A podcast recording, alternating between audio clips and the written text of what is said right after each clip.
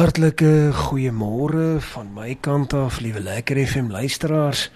Wat 'n groot eer en voorreg om te mag weet die Here is tog in beheer.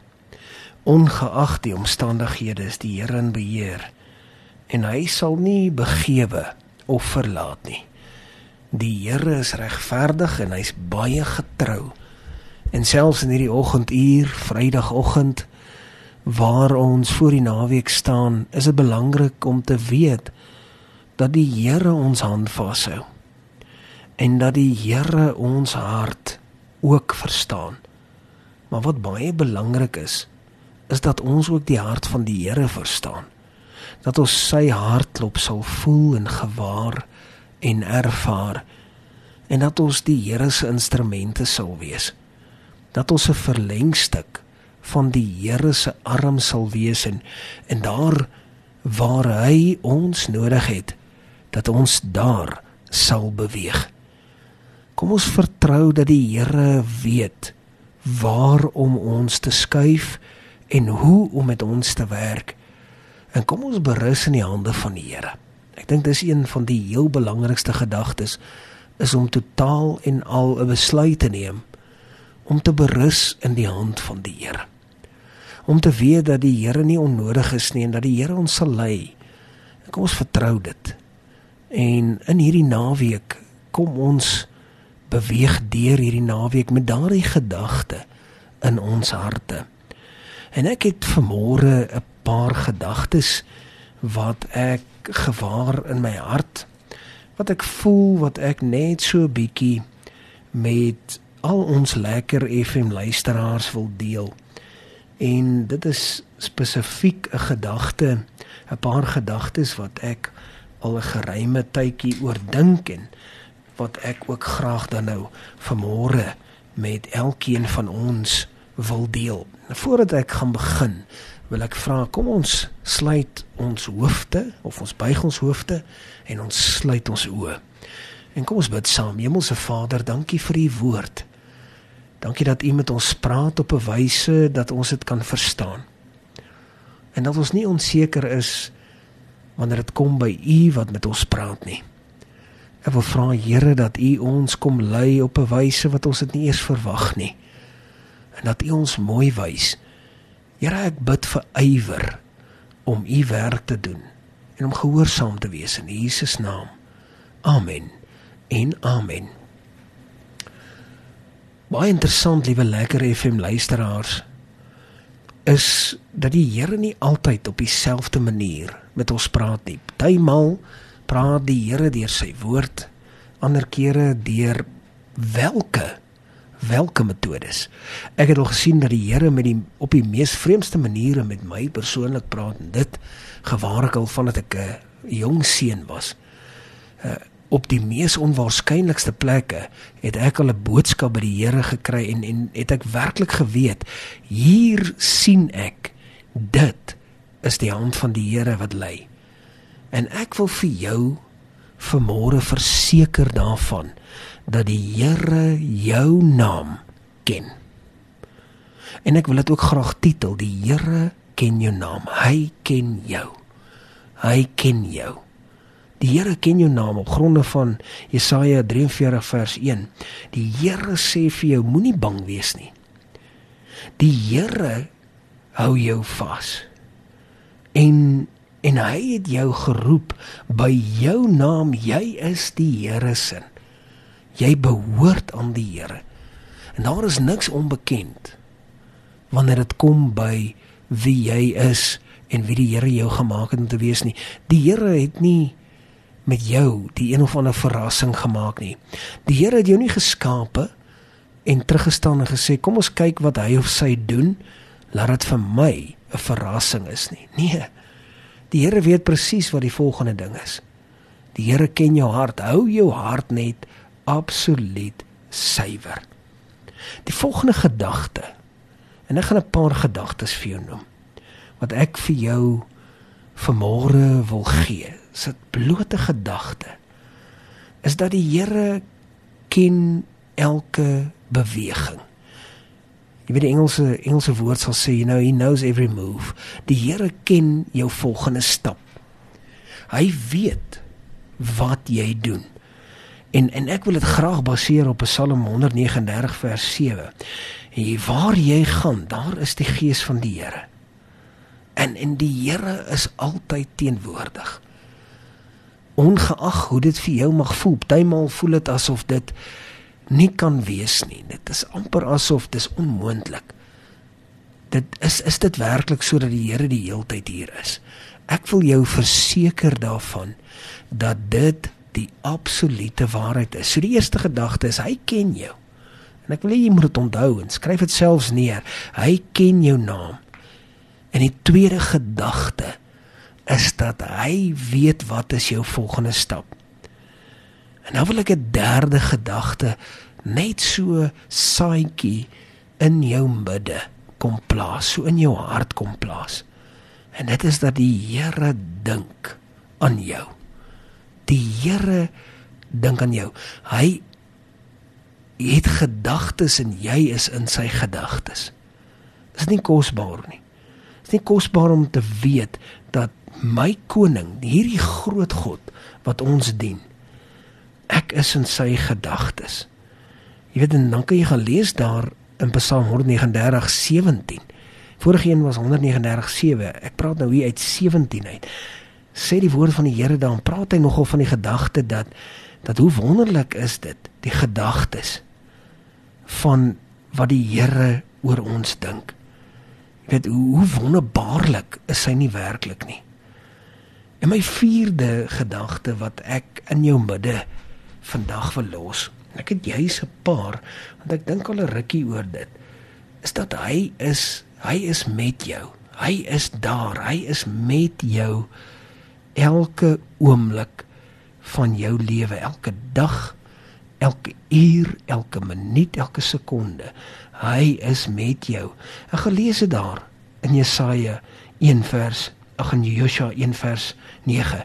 Jy sal nogal sien daar wat hy van praat die Here is daar en hy hy sê vir jou omdat hy daar is wees sterk en vol moed en dis dis nie altyd die heel maklikste ding nie maar wees ook wys onlangs het ek iets beleef waar ek duidelik gehoor het die Here vir my gesê het gaan voer dit uit.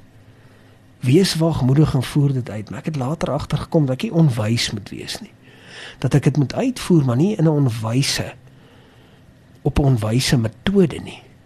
So ons moet baie versigtig wees hoe ons uiteindelik die gedagte in ons hande vat en dit dan afhandel. En dan wil ek graag vir jou ook die gedagte opper van hy het 'n plan vir jou. Hy het 'n plan vir jou. Jeremia 29:11 gaan lees dit. Ek het dit al so baie gelees en ek hou daarvan om dit baie te lees want dit is dit inspireer my. Die Here sê hy weet wat is sy gedagtes aangaande jou. Hy weet wat is sy gedagtes aangaande jou van voorspoed en nie van teëspoed nie. Maar dit lê in jou hande. Hy wil jou 'n hoopvolle toekoms gee. Dit is so, maar dit lê alles uiteindelik in jou hande. Jy is die een wat die besluit moet neem. Neem jy dit tot lewe? of neem jy daardie besluit uiteindelik tot die dood toe? Want daar is twee keuses wat ons moet maak. Jy sal altyd onthou, ek praat nogal baie van die gedagte van of jy bou of jy breek. Daar's altyd net twee. Of jy bou of jy breek en dit is die groot ding. Dan kom die Here, dan sê hy vir jou dat hy is in sy kern is die Here goed. Hy is goed. Psalm 119 vers 68 sê dit duidelik, hy is goed en hy doen goed. En en en en dan moet ons sê Here, wys my u weë. Help my in u weë dat dat ek kan verstaan wat presies om te doen.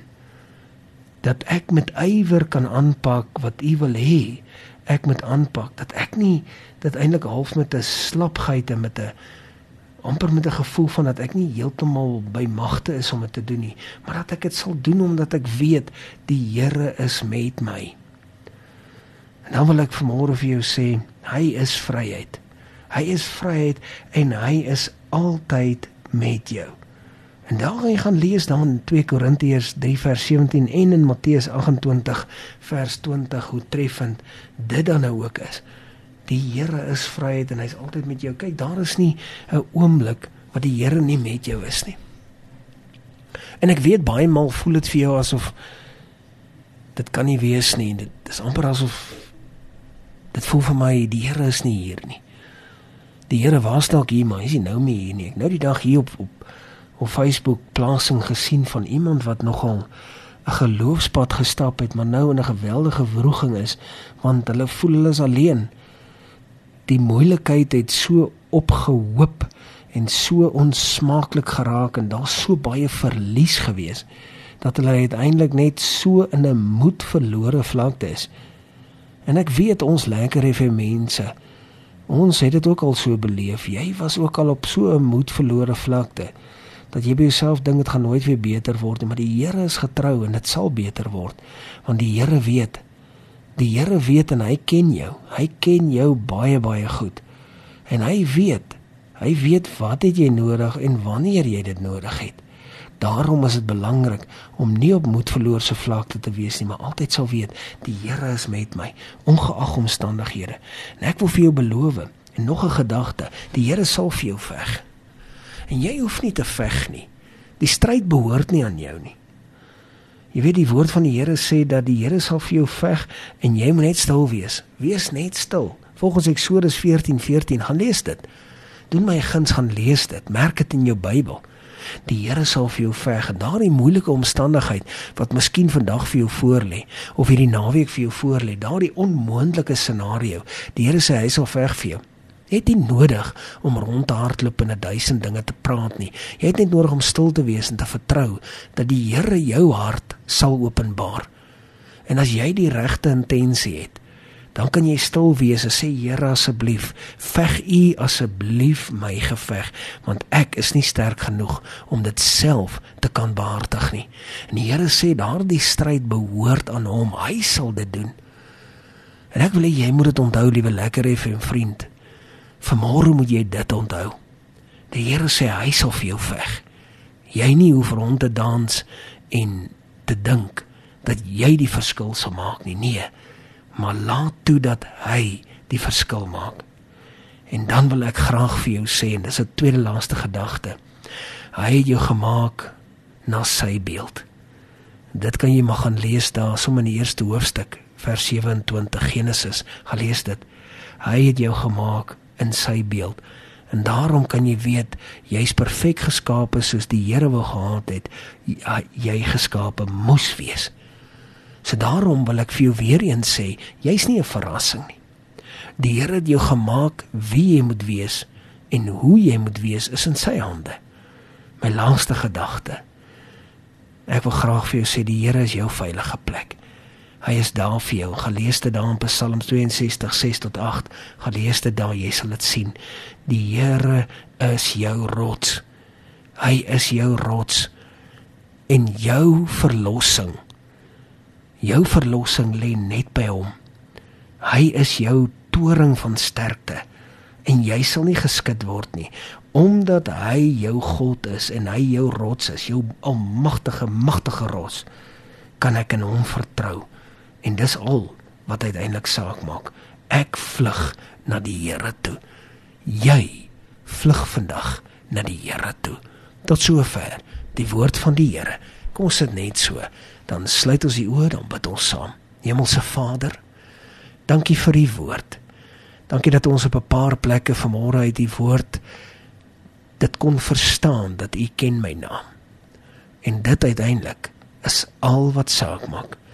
Here kom lei ons deur hierdie dag en ook deur hierdie naweek en kom seën ons en hou ons styf vas. Is my gebed in Jesus naam. En Here, dit bid ons net van weer genade. Amen. En amen.